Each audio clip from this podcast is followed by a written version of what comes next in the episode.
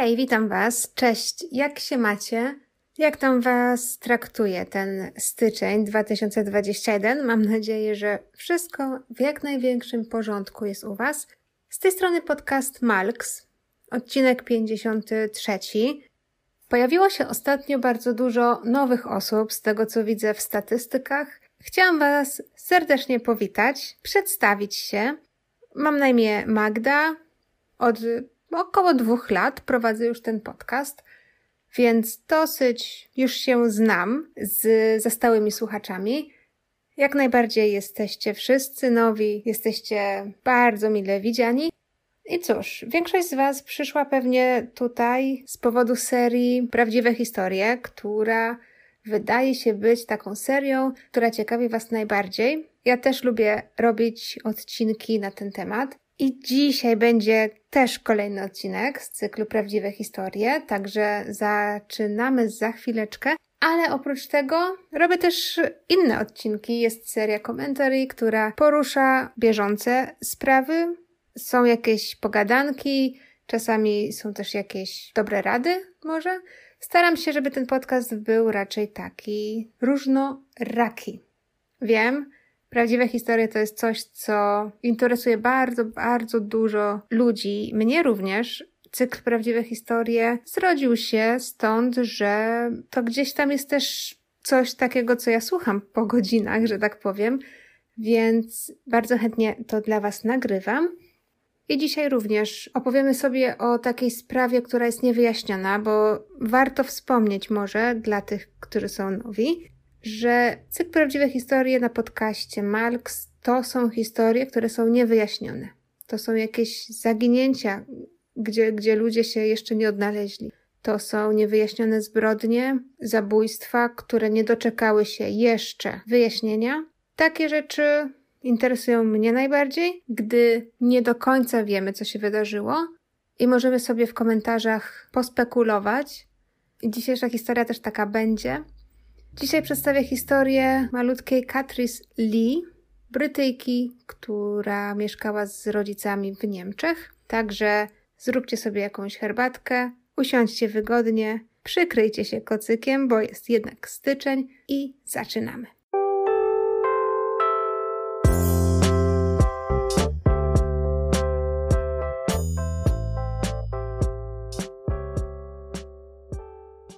Historia Catrice Lee to jest historia, o której nie ma aż tak dużo informacji w sieci, ani nigdzie indziej. Bardzo możliwe, że dlatego, że to jest dosyć stara sprawa i w momencie, kiedy popełniono zbrodnię, był rok 1981, więc wyobraźcie sobie, że nie było ani technologii takich, które mamy dzisiaj, ani rozgłos, który dzisiaj tak naprawdę jest dosyć łatwo z, z, zrobić, prawda? Bo wystarczy zapostować na social mediach, wystarczy, nie wiem, na YouTubie zacząć ogłaszać, wystarczy się podzielić z wystarczającą liczbą osób, które da, dalej podadzą sprawę.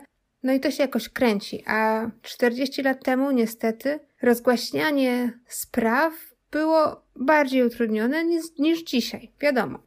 To jest historia nie tylko niewyjaśniona, ale pełna niedociągnięć, domysłów i takiego nieprzyłożenia się do sprawy śledczych.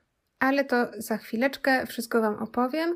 Mam nadzieję też, że rozgorzeje jakaś dyskusja w komentarzach, albo jak nie w komentarzach, to napiszcie do mnie maila. Od razu powiem może magda.malks 2a maalks, tak jak podcast, małpka gmail.com, czyli magda.malks małpa gmail.com. Możecie też pisać komentarze na YouTubie, bo bardzo jestem ciekawa Waszej opinii. I już nie przedłużając, zaczynamy. Sprawa Catrice Lee, właściwie jej zaginięcie, bo nie wiem, czy już o tym wspomniałam, jest nazywana najbardziej haniebnym, karygodnym i wstydliwym przypadkiem zaginięcia osób w historii. A z drugiej strony, to jest taka sprawa, która, no niestety, ale mogłaby się wydarzyć każdemu z nas, każdemu z osób, które mają dzieci, które opiekują się dziećmi. Tak jak zaraz usłyszycie, do tragedii naprawdę nie trzeba dużo. Ale okej, okay, od początku. Katrin Lee urodziła się 28 listopada 1979 roku w brytyjskim szpitalu wojskowym w miejscowości Rinteln w Niemczech. Rodzicami Katris była Sharon i Richard Lee. Richard był sierżantem armii brytyjskiej stacjonującym w zachodnich Niemczech, a z tego co wiem, jego żona Sharon zajmowała się domem, ponieważ Katris miała również starszą siostrę, Nataszę. Małżeństwo Sharon i Richarda to było normalne małżeństwo. Oboje bardzo się kochali, bardzo kochali swoje obie córki. Nie było między, inny, między nimi sprzeczek, kłótni. Rodzina była bardzo spokojna, lubiana. Richardowi układało się w pracy. Także jeżeli chodzi o tło rodzinne, no to tak naprawdę tyle. Sielankowe życie rodziny Lee zostało przerwane 28 listopada 1981 roku, dokładnie w drugie urodziny małej Catrice.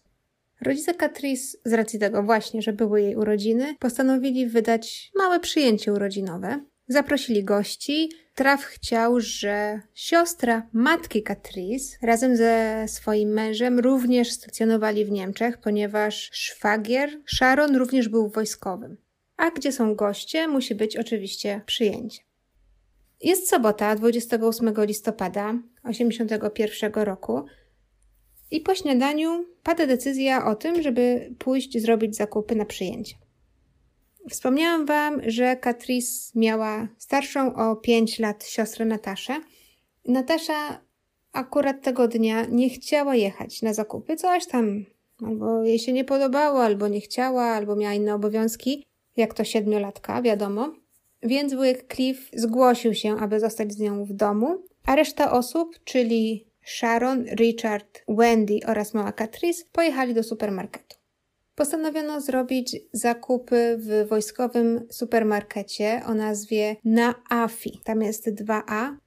NAFI to skrót od Navy, Army and Air Force Institutes. To był po prostu sieć supermarketów dedykowana ludziom z Wielkiej Brytanii. Z tego co wiem, nie tylko wojskowym, chociaż z tego co nazwa sklepu wskazuje, to jako że Navy, Army and Air Force, czyli marynarki wojennej, wojska oraz sił powietrznych. To było na papierku w praktyce ochrona sklepu była dosyć niska, więc z tego co się dowiedziałam, każdy, kto mniej więcej albo może bardziej więcej niż mniej, ale każdy, kto znał angielski, mógł do tego sklepu pójść. Jako, że to były urodziny brytyjskiej dwulatki, to rodzina Lee właśnie zdecydowała się pojechać do, do sklepu Nafi, który znajdował się w mieście Schloss Neuhaus. Wiadomo, jak to zakupy na urodziny. Były balony, były serpentyny, były ciastka, ciasteczka, pewnie jakieś chipsy. Wszystko to, czego dzisiejszy świat fitness nienawidzi, zakazuje, ale to był rok 81, wtedy wszystko jeszcze przecież było możliwe, nie tak jak teraz. Nie no, kompletnie żartuję. Rodzina podjeżdża pod sklep mniej więcej o godzinie 10.30 rano. Z samochodu wychodzi Sharon ze swoją córeczką oraz siostrą Wendy. Ojciec Richard postanowił przede wszystkim znaleźć miejsce do parkowania, a potem po prostu poczekać w aucie, aż obie kobiety zrobią zakupy. I tutaj od razu w takim razie przychodzi nam do głowy taka myśl, że nikt nie planował na tamtą chwilę robić jakichś wielkich, ogromnych zakupów, nie wiadomo na ile godzin. Po prostu to miało być zwykłe tak zwane grocery shopping, czyli zwykła spożywka in and out i do domu. W sklepie mała Catrice jest aż tak bardzo podekscytowana, że Sharon musi ją bez przerwy nosić na rękach, ponieważ wiecznie zadaje pytania, gada, chce wszystkiego dotykać, więc żeby wszystko poszło sprawniej, Sharon po prostu bierze dziewczynkę na ręce i próbuje jak najszybciej zrobić zakupy, ponieważ, jak wiemy, jej mąż czeka w aucie. 20 minut po wejściu do sklepu Sharon i Wendy skompletowały wszystkie zakupy. Ważne jest tutaj, żeby powiedzieć też, że akurat w tamtą sobotę sklep był bardzo zapchany, było bardzo dużo ludzi, także nie chciało im się spędzać aż tak dużo czasu w środku. Więc o godzinie 10.50 Sharon i Wendy ustawiają się w kolejce do kasy. I tutaj Sharon zerka szybko na te produkty, które kupiła i okazuje się, że zapomniała wziąć jedną rzecz, więc szybciutko stawia na podłodze małą Catrice, Zostawia ją pod opieką cioci Wendy i szybciutko biegnie do alejki z chipsami, żeby wziąć produkt, o którym zapomniała. I tutaj jest kluczowe wydarzenie tej historii, ponieważ, tak jak wspominałam, mała Katrys jest niespokojna, non-stop coś dotyka, non-stop gada, non-stop się śmieje, non-stop płacze, jak to pewnie dwulatek. Więc gdy mała Katrys zobaczyła, że mamusia gdzieś tam odchodzi, bardzo chciała za nią pobiec, i Wendy, nie spodziewając się niczego innego, jak zobaczenie zaraz, za, za pół minuty swojej siostry z dzieckiem, która wraca do kasy, mówi do małej Katris, że okej, okay, jeżeli chcesz, to możesz sobie pobiec za mamusią, mamusia jest tam za chwileczkę za rogiem. Ale tutaj właśnie jest cały twist historii, ponieważ niedługo potem Sharon wraca z chipsami. Wendy stoi tam w kolejce, gdzie ją zostawiła, ale niestety Sharon od razu zauważa, że nie ma jej córki. Więc pyta się Wendy, gdzie jest Katris? A Wendy na to, no jak to? Przecież pobiegła do ciebie. I wtedy mama Sharon pada w lekką panikę, bo mówi, że no ja jej nie widziałam, może i pobiegła za mną, ale nigdy do mnie nie dobiegła. Ja też wracając nie widziałam nigdzie mojej córki. Niewiele myśląc, zostawia więc Wendy w kolejce i zaczyna szukać dziecka po całym supermarkecie. Ważny jest też fakt, tutaj też było powiedziane w wielu źródłach, że w tym momencie oczywiście nie wpada w wielką panikę, no bo wiadomo, dzieci czasami w cudzysłowie gubią się w supermarketach, bo to są wielkie powierzchnie. Ciężko jest dziecko małe upilnować. Gdzieś tam pobiegnie do zabawek, ale no wiadomo, 5 sekund biegniesz za dzieckiem, bierzesz go na ręce, wracasz do domu. Więc Sharon, mimo że odczuwała lekki niepokój, no bo wiadomo, jej dziecka nigdzie nie było, w sensie, że nie widziała go tak wzrokiem, no ale myślała, że zaraz się znajdzie. Trudno też przecież sobie wyobrazić, że cokolwiek złego mogło się stać, bo wokół są Brytyjczycy, wiecie, tacy swoi ludzie. Sharon też robiła zakupy w tym sklepie prawdopodobnie miliard razy wcześniej, więc znała rozstawienie produktów, zakamarki, wiedziała gdzie zabawki, wiedziała gdzie pampersy, wiedziała gdzie jakieś kolorowe rzeczy migające, co mogłoby Catrice przyciągnąć. Więc na tę chwilę po prostu szybkim krokiem poszła szukać dziewczynki pomiędzy alejkami. Oczywiście dodatkowo Sharon jeszcze nawołuje córkę po imieniu, żeby dziewczynka mogła usłyszeć. Biega coraz szybciej po markecie, pyta kasjerów, pyta obsługę, pyta klientów, ale nikt, zdaje się, nie widział albo nie zwrócił uwagi na dziewczynkę pozostawioną bez opieki dorosłych. To, co mogło pomóc w takich natychmiastowych poszukiwaniach, to na przykład y, był ubiór dziewczynki, ponieważ dziewczynka była ubrana we wszystkie kolory tęczy, tak jakby mama pozwoliła jej wybrać outfit z okazji jej urodzin. Miała białą bluzkę, zielono-niebieską sukienkę, do tego białe rajstopy, turkusowy płaszcz i czerwone kalosze dopełniające outfit. Ważne na tę chwilę tutaj są dwie rzeczy. Pierwsza jest taka, że Catrice nie rozumiała języka niemieckiego, mimo że rodzina mieszka w Niemczech, że Catrice urodziła się w Niemczech, no to wiadomo, brytyjska rodzina w domu rozmawiali po angielsku, i Katris najpierw uczyła się tego języka rodzimego jej rodziców, a później pewnie rodzice pomyśleli sobie, że Katris jako dziecko tak czy siak załapie niemiecki, jak będzie chodziła do przedszkola czy do żłobka, więc jakoś nie naciskali za bardzo na naukę niemieckiego, co właściwie jest zrozumiałe, bo teraz mnóstwo rodzin tak robi. Nie ma tutaj nic nadzwyczajnego. Druga rzecz jest taka, że Katris miała lekkiego zeza w jednym oku, i rodzice po prostu czekali, aż dziewczynka dorośnie na, na to, żeby skorygować ten wzrok. Więc jak widzicie, znaków szczególnych dziewczynki było dosyć sporo. Poszukiwania w sklepie niestety nie przyniosły rezultatów, więc Sharon, Wendy i Richard postanowili jak najprędzej wrócić do domu. A w domu, wiadomo, została Natasza z wujkiem Cliffem. Oboje dekorowali dom na przyjęcie urodzinowe malutkiej Catrice nie spodziewali się naprawdę żadnej złej wiadomości, no bo to był jeden z tych radosnych dni w życiu rodzinnym. W pewnym momencie do tej rodzinnej domowej sielanki, gdzie wujek i Natasza dekorują pokój, wpada Richard, roztrzęsiony, zdenerwowany. Mówi, że Catrice się zagubiła i szuka nerwowo zdjęć dziewczynki, bo ma plan pojechać na policję i zgłosić zaginięcie. W międzyczasie Sharon i Wendy czekają na niego na parkingu w samochodzie. No i tutaj wiadomo, pewnie była wzmożona dyskusja, no bo przerażona matka, wiadomo, wini swoją siostrę za to, że spuściła z oczu dwuletnie dziecko w supermarkecie pełnym obcych. Niedługo po zaginięciu sprawa została zgłoszona na policję oraz do służb wojskowych. I tutaj, jakby tego wszystkiego było mało, zaczynają się już schody na samym początku śledztwa, ponieważ, okej, okay, sprawa rozgrywa się w Niemczech, ale to jest brytyjski wojskowy, więc tu jest konflikt pomiędzy lokalną policją w Niemczech a brytyjskim wojskiem. Nie wiadomo było, kto ma się zajmować tą sprawą, ponieważ sklep, w którym zaginęła Catrice, był teoretycznie na terytorium albo własnością Brytyjczyków, ale nie był bazą wojskową i był na terenie Niemiec, także rozumiecie ten konflikt. Koniec końców obie strony zaangażowały się w śledztwo, chociaż na papierze była to działka brytyjskiej żandarmerii. Pomimo tej kłótni lub też sprzeczki, poszukiwania ruszyły. Przeczesano zarówno supermarket, jak i teren wokół supermarketu. Dosyć szybko też rozesłano zdjęcia dziewczynki. Apelowano też do społeczności lokalnej o to, żeby pomogli w poszukiwaniach. I tutaj teraz śledczy bardzo szybko wpadają na pierwsze przypuszczenie odnośnie do tego, co mogło stać się z dziewczynką. Około 70 metrów od y, sklepu Nafi znajduje się rzeka Lippa. Funkcjonariusze zatem przypuszczają, że dziewczynka po prostu niefortunnie doszła do rzeki, wpadła do niej i się utopiła.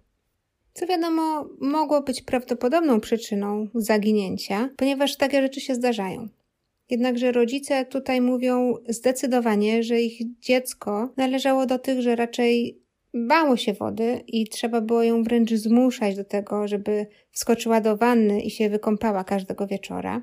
Poza tym rodzice Catrice dosyć sceptycznie podchodzą do faktu, że dziewczynka, dwuletnie dziecko, mogła samodzielnie przejść przez duży supermarket, wyjść z niego niezauważona. Później po wyjściu od kas supermarketu musiała przejść przez dosyć długi korytarz, następnie przejść przez dosyć ruchliwy parking, ponieważ pamiętamy, że ojciec Catrice, Richard, został w samochodzie, gdy Wendy i Sharon poszły na zakupy, ponieważ najpierw musiał znaleźć parking. Więc ten e, parking był dosyć oblegany, było też dużo ludzi, to była sobota, więc dużo ludzi w sobotę właśnie chodzi do sklepu, więc dziewczynka musiała przejść nie tylko przez market, wyjść z tego budynku, przejść przez parking. Później był jeszcze dosyć ciężki do przejścia żywopłot nad brzegiem rzeki i później po tym wszystkim podejść do wody i do niej wpaść. Jednakże była to jakaś poszlaka, Mogło się tak zdarzyć, pomimo tych wszystkich niejasności, więc funkcjonariusze zaczęli przeszukiwać zarówno brzeg rzeki, dno rzeki, jak i znajdujące się przy rzece zbiorniki retencyjne. Dodatkowo rodzice Catrice wciąż, pomimo tego, że nie wierzyli w tę wersję wydarzeń, to wciąż chodzili nad rzekę w poszukiwaniu czegokolwiek. Twierdzili, że jeżeli faktycznie Catrice jakimś cudem poszła i wpadła do rzeki, no to ta rzeka może gdzieś tam odda im to, co zabrała, albo przynajmniej zobaczą jakiś skrawek materiału, włos, bransoletkę, kalosz, cokolwiek, jednakże nigdy nic, zarówno rodzice, Catrice, jak i funkcjonariusze, którzy naprawdę przeszukiwali tę rzekę, nikt tam niczego nie znalazł. Staje się tutaj więc jasne, że najbardziej prawdopodobnym wydarzeniem było porwanie dziewczynki. I tutaj od razu sprawa robi się głośna, ponieważ, tak jak wiemy, w sprawę zaangażowana jest zarówno część niemiecka, jak i brytyjska. Ojciec Catrice jest też wojskowym, więc też gdzieś tam pewnie ma koneksję. O zaginięciu dwuletniej dziewczynki mówią też zarówno lokalne, jak i krajowe media. I na policję wpływa bardzo dużo poszlak, jest bardzo dużo zgłoszeń, bardzo dużo ludzi mówi, że faktycznie widzieli dziecko podobne do Catrice. Bardzo możliwe, że to jest Catrice. Ale część albo zdecydowana większość tych zgłoszeń są bardzo ogólne, nie mają szczegółów. Mówią na przykład, że no okej, okay, w sobotę widziałem taką małą dziewczynkę przy parkingu albo no tak, szła z jakąś kobietą, albo jakiś mężczyzna z dzieckiem. Więc bardzo dużo z tych zgłoszeń nie można było zweryfikować, bo nie było dowodów, nie było detali, nie było też możliwości dotarcia do osób, tych osób, które były opisywane jako mężczyzna wiedziany z dzieckiem, bo co komu mówi wysoki brunet albo niska blondynka. Zatem te poszlaki zostały sprawdzone, ale sprawa nie rusza się do przodu. Wśród tych wszystkich zgłoszeń bywały też takie zgłoszenia, które dawały nadzieję. Niestety błędną nadzieję. Jakiś czas od zaginięcia Catrice na policję zgłosił się mieszkaniec miasta Osnabrück, który twierdził, że około grudnia 1981 roku widział małą dziewczynkę bawiącą się samotnie na ulicy. Zaniepokoił się, podszedł do dziecka, próbował się spytać, gdzie są jego rodzice, z kim tu jest, dlaczego jest sama. Nie otrzymał jednak żadnej odpowiedzi, więc po prostu wziął dziewczynkę na ręce i zaprowadził ją do najbliższego posterunku policji. I tutaj oczywiście zamiast najpierw sprawdzić te wszystkie rzeczy, no to ta wiadomość dotarła do Sharon i Richarda, którzy no już ze świeczkami w oczach, z nadzieją w sercu myśleli, że ich męki się skończyły, bo może faktycznie ów mężczyzna widział Catrice i właśnie to ją zaprowadził na komisariat. Jednakże po sprawdzeniu okazało się, że dziewczynka to nie była Catrice, to było po prostu jakieś inne dziecko i tutaj znowu ten trop się urywa. Niestety policja ani żandarmeria nie wpadły na żadne inne tropy i niestety sprawa powoli, powoli cichnie. Rodzice Catrice oczywiście nigdy nie zapominają o swoim dziecku, wciąż na własną rękę szukają dziewczynki, jednakże te wszystkie lata niepewności, ten cały smutek i to wieczne martwienie się o przyszłość niestety ale niszczą małżeństwo. 1993 roku, czyli 12 lat po zaginięciu, wracają do swojej ojczyzny, ale już osobno. Pozostają jednak w dobrych relacjach, nieustannie wspierają siebie nawzajem w poszukiwaniach. O Catrice myśli też jej starsza siostra Natasza, która, gdy dziewczynka zaginęła, miała 7 lat, ale z biegiem czasu, gdy Natasza dorosła, też ze swojej strony mocno włączyła się w poszukiwania zaginionej siostry. Sprawa zagięcia Catrice ucichła na kolejnych aż 19 lat. Po tym czasie w roku 2000 pojawiła się kolejna iskierka nadziei. Policja za sprawą nowych technologii zrobiła portret Catrice. Taki portrety zawierały po prostu progresję czasową, czyli tak jak Catrice mogłaby wyglądać gdzieś tam w wieku 6, 12, 20 lat. Po opublikowaniu tych portretów sprawa ponownie trafiła do mediów. I dzięki temu na policję zgłosiła się pewna kobieta, która zeznała dosyć szokującą rzecz. Kobieta twierdziła, że jej ówczesny partner, który 1981 roku, czyli w roku zaginięcia Catrice, jej partner służył w tym samym pułku, co ojciec Catrice. I kobieta twierdziła, że słyszała niejednokrotnie od swojego partnera, że w przeszłości ten partner właśnie zabił dziecko. No i tutaj wydaje się, że ten trop jest dosyć mocny. Nie dość, że rok się zgadza, nie dość, że miejsce się zgadza, ponieważ obaj mężczyźni pracowali w tym samym pułku, no to jeszcze kobieta twierdziła, że jej były partner zabił dziecko. Trop został podjęty, policja znalazła mężczyznę, zaczęła go przesłuchiwać, ale mężczyzna oczywiście shocking news, wszystkiemu zaprzeczył, a kobieta, która podała tę informację na policję, niestety niedługo później zmarła. Więc niestety śledztwo zostało przerwane, ponieważ nie było czego się uczepić i sprawa znowu stanęła w miejscu. Rodzice Catrice oczywiście byli pytani o to wszystko, byli poinformowani o tym dosyć dziwnym zbiegu okoliczności, no ale tutaj twierdzą, że ich dziecko tak czują, oboje czują, albo to jest po prostu nutka złudnej nadziei, jednakże twierdzą, że y, Catrice jednak została porwana i oddana do adopcji, bądź po prostu sprzedana do adopcji, albo, no nie wiem, handel ludźmi. Chociaż rodzice Catrice nigdy nie powiedzieli, że to jest handel ludźmi, ale tutaj wydaje mi się, że po prostu nie chcą dopuścić do siebie tej informacji. Twierdzą oboje, że ich córka została porwana i po prostu oddana do adopcji. Ale to nie koniec tej sprawy jeszcze. I tutaj szybko przenosimy się do roku 2012. I tutaj y, zdarzyły się dwie rzeczy warte opowiedzenia. Pierwsza z nich jest taka, że brytyjska żandarmeria wojskowa ponownie podejmuje śledztwo, czyli po tych 31 latach grupa funkcjonariuszy zaczęła analizować wszystkie zebrane przez ten czas dokumenty, a było ich dosyć sporo, bo akta miały w tamtym momencie w sumie 11 tysięcy stron. Także dosyć, dosyć sporo.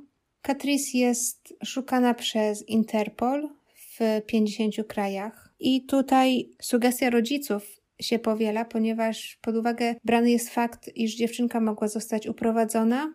Z racji tego, że w momencie zaginięcia Catrice miała zaledwie dwa latka, a teraz miała blisko 40, no to ani nie wie, że jest Brytyjką, ani nie pamięta rodziców, nie pamięta rodziny, nie pamięta siostry może być wszędzie. Drugą rzeczą, która zdarzyła się w roku 2012, był fakt, to taka może sprawa honoru albo zadośćuczynienia, ale właśnie w 2012 roku Królewska Żandarmeria Wojskowa, która zajmowała się zaginięciem Catrice, w końcu przyznała się do błędów popełnionych podczas e, tego pierwszego dochodzenia w 1981 roku, gdy dziewczynka zaginęła.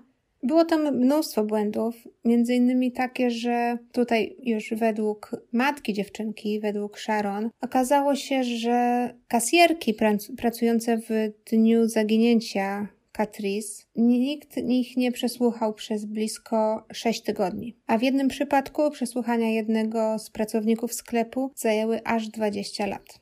Następny błąd był taki, że Zajęło aż 48 godzin, czyli dwa dni, aż punkt kontroli granicznej został poinformowany o zaginięciu dziecka. A wiadomo, z zachodnich Niemiec do Francji nie jest daleko, można to przejechać w parę godzin. Tak samo blisko jest Szwajcaria, Liechtenstein, Anglia czy nawet Polska. I tutaj takim głównym zarzutem, o który faktycznie kurczę boli słuchacza, ten zarzut polega na tym, że nie sprowadzono psów tropiących zaraz po tym, jak dziewczynka zaginęła. Zajęło to policji aż 24 godziny, więc ten zapach no już mógł się zdecydowanie ulotnić, dlatego też psy tropiące też no, nic niestety nie wykryły bezpośrednio po zaginięciu. Jeżeli psy tropiące byłyby zaangażowane godzina, dwie po zaginięciu dziewczynki, bardzo możliwe, że być może złapałyby trop dziecka i do czegoś doprowadziły. Fakty, które bolą, są jeszcze takie, że nigdy policja, ani niemiecka, ani e, brytyjska, nie poinformowała mediów, albo po prostu media o tym nie mówiły, ale nikt nie wspomniał o tym, że dziewczynka ma problemy z widzeniem w lewym oku, albo że mówi wyłącznie po angielsku. A te informacje naprawdę mogły być kluczowe i pomóc w zidentyfikowaniu dziewczynki. Jeżeli ktoś porwał dziecko, a później gdzieś dziewczynka została czy sprzedana, czy oddana jakiejś innej rodzinie, no to te dwa fakty naprawdę są kluczowe, a nigdy, nigdy nie informowano o tym w mediach. I tutaj przenosimy się do roku 2017, czyli aż 36 lat od zaginięcia. Bardzo ciężko mi się o tym mówi, ponieważ te strzępki informacji, które zostały podawane przez lata, no po prostu to nie ma sensu. E, w 2017 roku opublikowano portret pamięciowy mężczyzny, który był widziany w 1981 roku, czyli w roku zaginięcia Catrice. Ten mężczyzna był widziany w pobliżu sklepu z małą dziewczynką, która była podobna z wyglądu do Catrice. Mężczyzna wsiadł z dziewczynką do zielonego auta i odjechał. Według świadków to samo auto było później widziane na moście nad rzeką Almą, która również płynie niedaleko sklepu.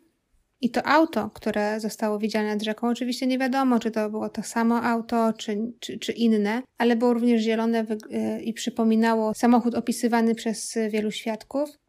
Y, to auto nad rzeką miało wtedy rejestrację z Wielkiej Brytanii. I tutaj uwaga, portret pamięciowy tego mężczyzny widzianego z małą dziewczynką wsiadającego do zielonego samochodu był opublikowany dopiero 36 lat później. Nie wiadomo dlaczego, dlaczego śledczy utaili ten fakt, ale na pewno gdyby opublikowali portret pamięciowy wcześniej, no to sprawa poszukiwania dziewczynki na pewno potoczyłaby się inaczej.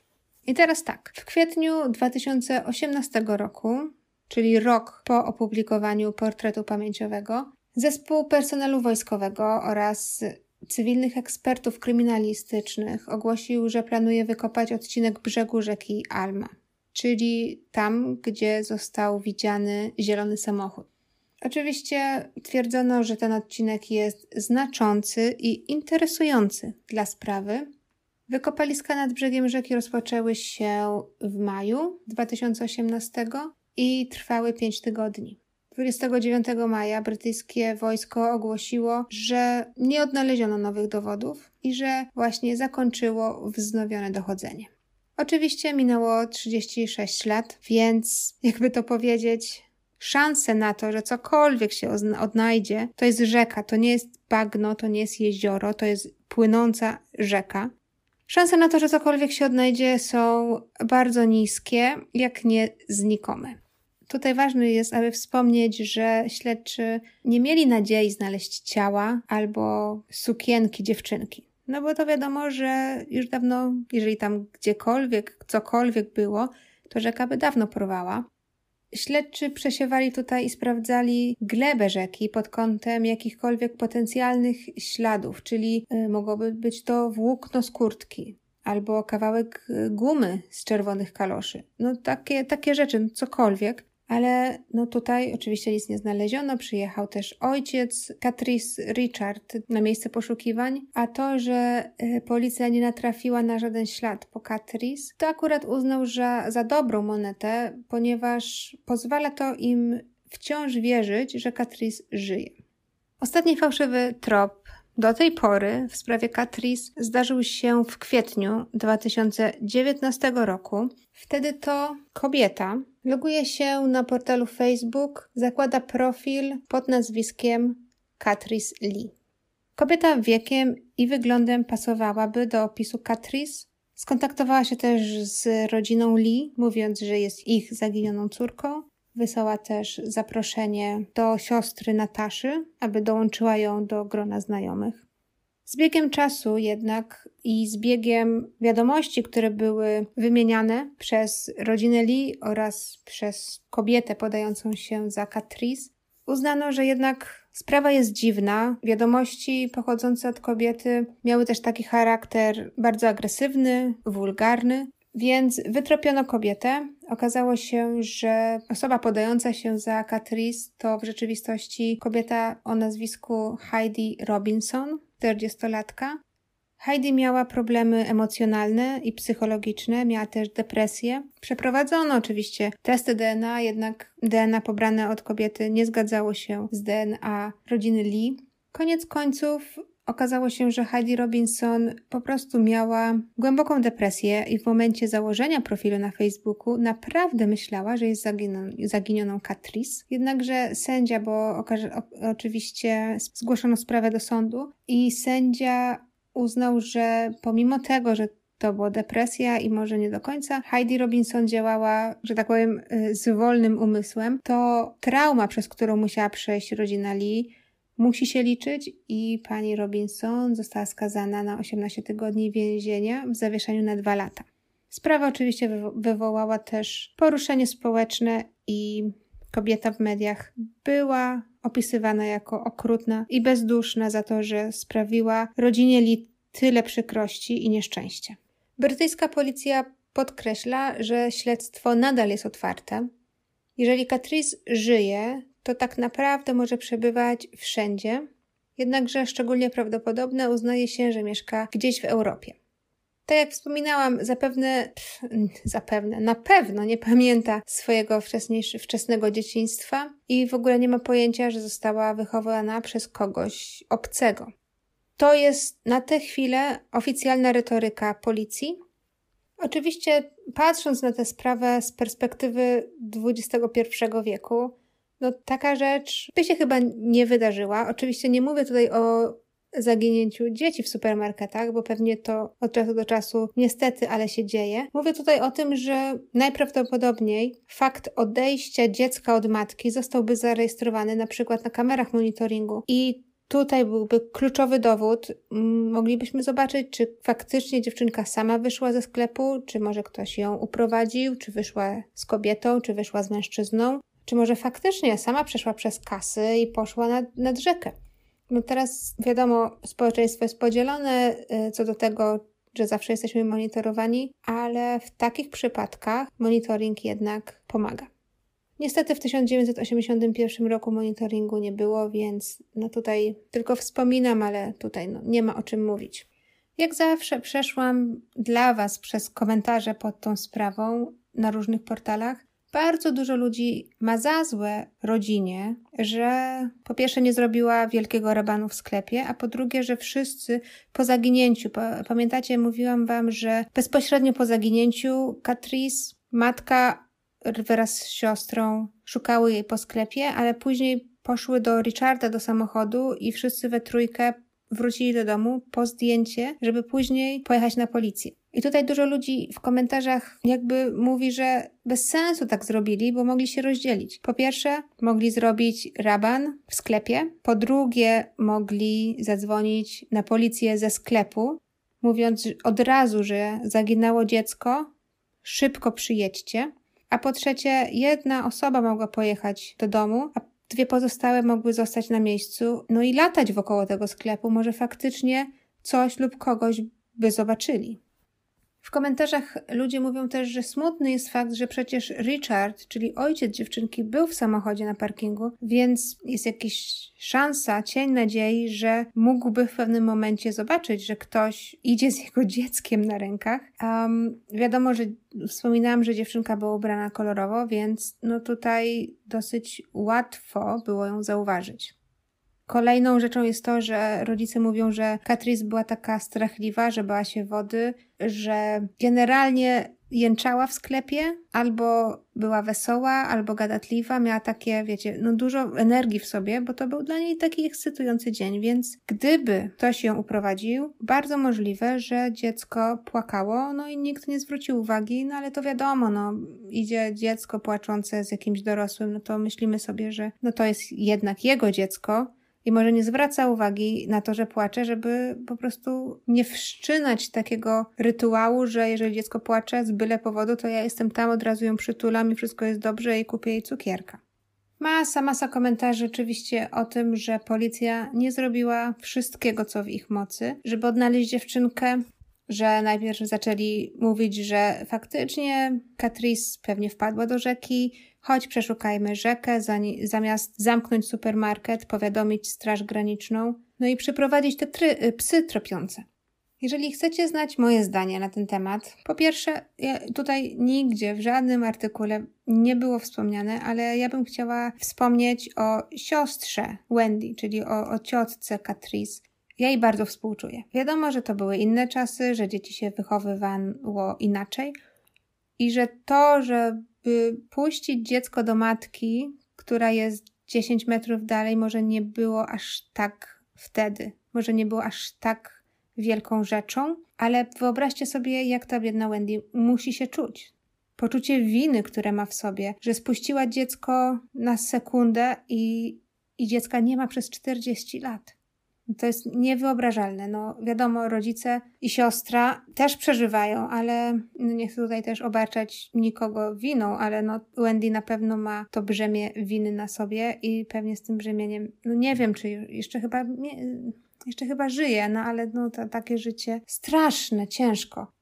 Według mnie Catrice na pewno nie wyszła sama ze sklepu. Nie ma takiej opcji, żeby dziecko dwuletnie po prostu sobie poszło do sklepu, gdzie wie, że jego mama jest w sklepie z tego co czytałam, dziewczynka nie lubiła się rozstawać z mamą i ciężko znosiła jakiekolwiek rozstania, nawet tam min kilkuminutowe. Moim zdaniem nie wyszła sama ze sklepu, a na pewno już nie powędrowała nad rzekę. Fakt faktem, że rzeka znajduje się jakieś 70 metrów od supermarketu, no to jest no dla dorosłego, to, to, to, nie, nie jest nic, 70 metrów. No ale dla dziecka, gdzie parking był ruchliwy, no ktoś, wydaje mi się, że ktoś by zauważył dwulatkę idącą samą. Naprawdę. Najbardziej prawdopodobną według mnie historią, która wydarzyła się tego dnia, no to jest to po prostu, że ktoś porwał małą Catrice, no i tutaj przyczyna porwania może być różna, ale ktoś po prostu skorzystał z okazji, moim zdaniem. To nie było moim zdaniem zaplanowane. Po prostu ktoś zobaczył dziecko, pomyślał sobie, o fajne dziecko, wezmę sobie, no i potem albo zostawię sobie, no bo wiadomo, jest masa rodzin, która jest w depresji, bo nie może mieć dzieci. Jest też masa ludzi, którzy sprzedają dzieci na handel, jest też masa ludzi, którzy sprzedają dzieci do domów adopcyjnych i robią z tego biznes. Moim zdaniem, i mam ogromną nadzieję, że akurat tak się zakończyła ta tragiczna historia, Mam nadzieję, że Katris no, została sprzedana do rodziny, która nie może mieć dzieci, która ją kochała i była wychowywana w szczęściu. Smutne jest to, że nigdy Katris najprawdopodobniej nie dowie się o tym, że, że jest dzieckiem porwanym. Szanse, że gdzieś tam zobaczy informacje w internecie jest naprawdę znikome. No, nikt z nas przecież nie szuka takich informacji na, na swój temat. To tyle tej historii. Jeszcze raz, jeżeli zasubskrybowaliście mnie przez ten czas na YouTubie, to klikajcie te dzwoneczki. Będziecie dostawali powiadomienie, kiedy wychodzi następny odcinek podcastu. Standardowo życzę Wam, pomimo tej historii, która jeszcze nie jest wyjaśniona, chociaż kto wie, może kiedyś pojawi się to światełko w tunelu i może dowiemy się prawdy. Bardzo, bardzo, bardzo bym tego chciała. Mam nadzieję, że Catrice nadal żyje i jest szczęśliwa, tak jak już wspomniałam. Więc tą myślą chciałabym Was zostawić. Dziękuję Wam bardzo za to, że jesteście. Dziękuję Wam, że liczba słuchających z odcinka na odcinek rośnie. Życzę Wam udanego dnia, jeżeli słuchacie rano, a jeżeli słuchacie po południu, to życzę Wam spokojnego wieczoru. Trzymajcie się cieplutko. Do usłyszenia następnym razem. Buziaczki. Pa!